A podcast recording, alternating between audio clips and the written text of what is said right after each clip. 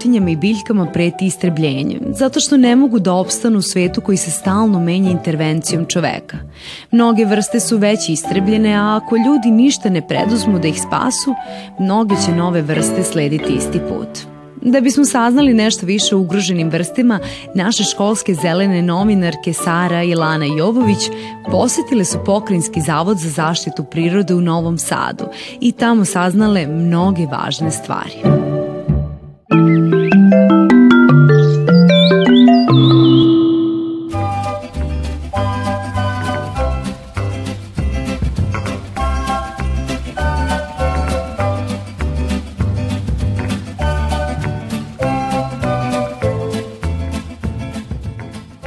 Vrste najugroženije na svetu, a koja kod nas? Sada na svetu već smatra se da oko četvrtine ili čak dve trećine vrsta su već imaju uh, status ugroženosti.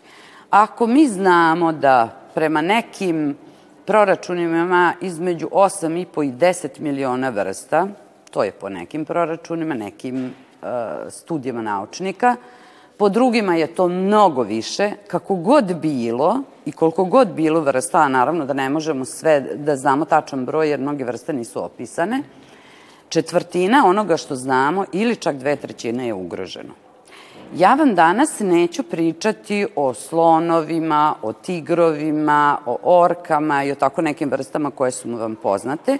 Ja ću vam reći za neke druge vrste. Znači, e, ugrožene su i biljne i životinske vrste. Čak biljne e, duplo e, više su ugrožene. Znači, ako, ako imate ugroženost od 500 i nešto biljnih vrsta, za to vreme je 200 i nešto ne znam tačan broj, životinskih. Znači, duplo brže e, biljne vrste e, idu ka statusu ugroženosti, a zašto je to tako? Naravno, zbog, svega, zbog svih ovih ugrožavajućih faktora o kojima sam pričala.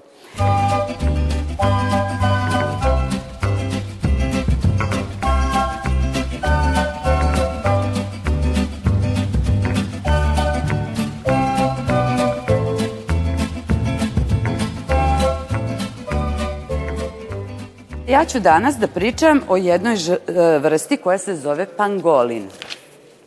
To je ta vrsta. Pangolin je jedan sisar, ljuskavac, koji živi u Africi i Aziji. Zašto njega pominjem? On nije od onih vrsta koje je ostalo samo nekoliko primeraka ili nekoliko stotina, ali to je vrsta koja se lovi godišnje u preko milion primeraka. Znači, vrlo brzo će postati ugrožena ako već nije. Zašto? Zbog mesa, jer odrasla, odrasla jedinka može da bude teška i do 35 kg.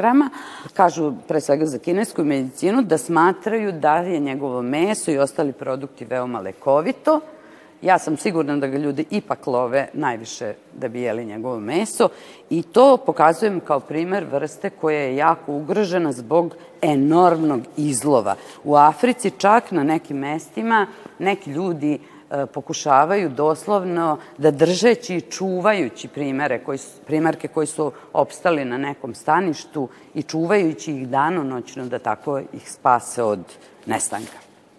Onda sledeća vrsta koju, ovaj, koja je možda malo poznata je ovaj javanski nosorog.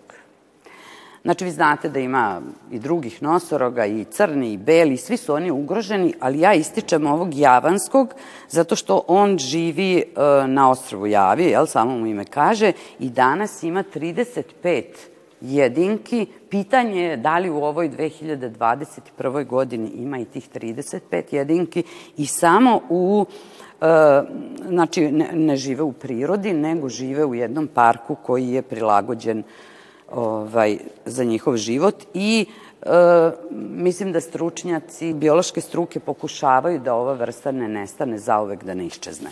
Inače je zanimljivo da je on, e, znate da su nosorozi jako veliki, on ne prelazi 2 metra, i, ali ima skoro 2500 kilograma.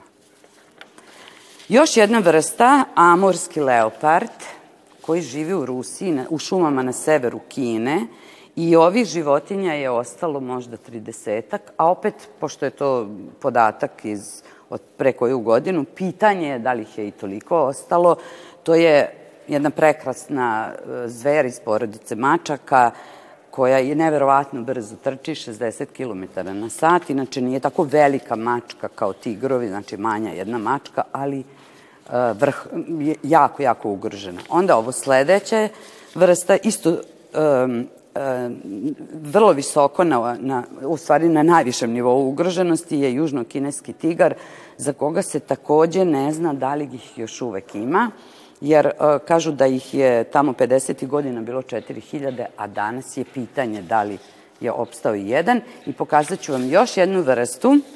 Ovo je vakita, to je jedan kit koji je ovaj, e, koji živi, endem je Kalifornijskog zaliva. Znači, e, nema ga nigde na ovoj planeti osim u Kalifornijskom zalivu.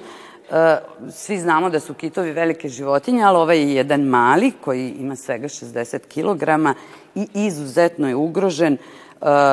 Kažu da otprilike 200 jedinki ima.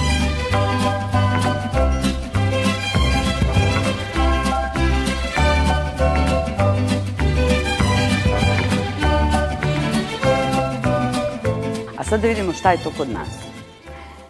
Prvo, velika droplja. Verovatno znate, na pašnjacima kod sela Mokrin u Banatu živi ova ptica. To je e, najveća ptica, najkrupnija ptica letačica. Znači, ovo je mužjak u svom svadbenom plesu. Vidite kako on potpuno izvrne svoja krila, pošto je sav ovako smećkasti šaren, a u svadbenom plesu on potpuno izvrne svoja krila i bude gotovo beo. To je svadbeni ples. Mužjaci mogu da budu do 16 kg teški, do 16 kg. I zamislite kako je to moćna ptica koja može 16 kg da uzdigne u vazduh. Inače, samo živi tu, na pašnjacima kod Mokrina. Procena je da ima možda 10, možda 15 jedinki, možda manje od 10. Ne znamo tačno, svake godine brojimo, nadamo se da će se povećati broj. Mnoge mere zaštite smo preduzeli da se to desi, da znači ta populacija bude stabilna. Sledeća populacija u Mađarskoj. I samo u našoj zemlji na tom prostoru živi velika droga. Sledeći je orao krstaš. Do prošle godine imali smo samo jedno, kad već govorimo o droplju i o tom prostoru kod Mokrina, da kažemo da je tu negde u blizini i orao krstaš, do prošle godine samo o, jednog gnezda, a od prošle godine imamo još dva aktivna gnezda sa mladuncima i tako sa radošću smo videli da se orao krstaš vraća u naše krajeve, a gotovo je bio iščezao. E sad, kad smo kod ovih ptica, pomenimo još tekunicu. Ovo je jedan ljubki sisar, koji živi na pašnjacima, da bi on opstao mora da postoji stočarstvo. Znači mora da postoji neko stado koje stalno gricka ovu travu i održava te pašnjake kratkim, jer ova mala ljubka životinja mora da ima takvo stanište gde je trava e, kratka, I na tim pašnjacima ona pravi rupe gde ovaj orao krstaš njemu je glavna hrana ove tekunice i stepskom sokolu koji takođe jede tekunice. Odnosno, ovim hoću da kažem, ovim primerom kod nas, da sve vrste su u, živo, u prirodi povezane i da je sve važno od mrava do lava, svaka vrsta, kako za prirodu, tako naravno i za čoveka. Znači, to je tekunica. Samo da pomenem da su svi slepi miševi ugroženi i da treba da svi brinemo o njima, da se ljudi njih ne plaše, da ih posmatramo kao jako, jako važne u lancu ishrane. Onda hoću da vam pokažem još jednu vrstu, ovo je tiski cvet. Ovo je jedan insekt čije larve žive kod nas samo na tisi. Sledeća populacija u Mađarskoj. Samo na tisi u e, glinovitom e, zemljištu, znači ove, ova vrsta nestaje zato što se rade regulacije vodotoka i tamo gde se izgubi taj glinoviti sloj, gde larva više ne može da živi u njemu, to nestaje. Ova vrsta nestaje. Znači, žive u glini. Tri godine larva živi. Jedu je ribe, jedu je žabe, svašta je jede. Posle tri godine ona se pretvara u ovog insekta i samo sat vremena živi. Sat vremena da bi uh, da bi završila svoj svadbeni ples, parila se i onda opet iz početka tri godine čekanja. To je zanimljiv insekt. Onda vi još to znate, verovatno, ova gatalinka, takođe ugrožena vrsta, jer nestaju vlažna staništa svuda po svetu. Čak od, sedam, od 70. godina do danas vlažna staništa su se svela na svega 17% od ukupno što je bilo. Kod nas je još takođe ugrožen ris, medved, vuk mnoge druge vrste. Mogli bismo mnogo, mnogo vrsta nabrojati koje su kritično, kritične ili ugrožene ili pred izumiranje.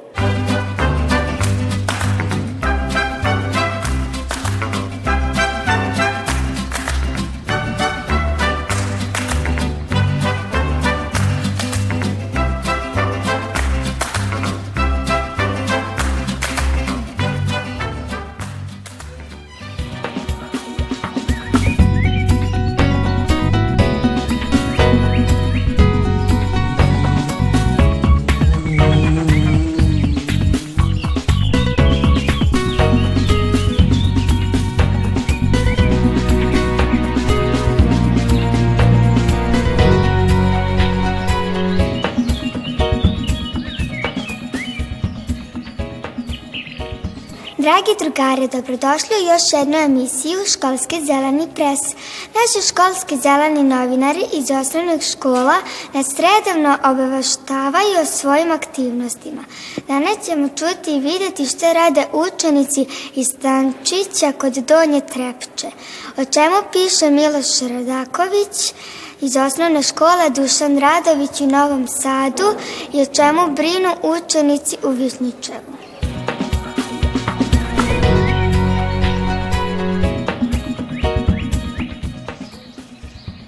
Školski zeleni novinari Emilija i Marko Vukašinović i Lazar Nikolić, učenici osnovne škole 22. decembar iz Donje Trepče, istureno odeljenje Stančići nam javljaju da se oni zajedno sa svojim drugarima bave ukrašavanjem saksija i, i ispisivanjem ekoloških poruka. Svojim porukama oni ukazuju na značaj očuvanja prirode za zdraviji i lepši život.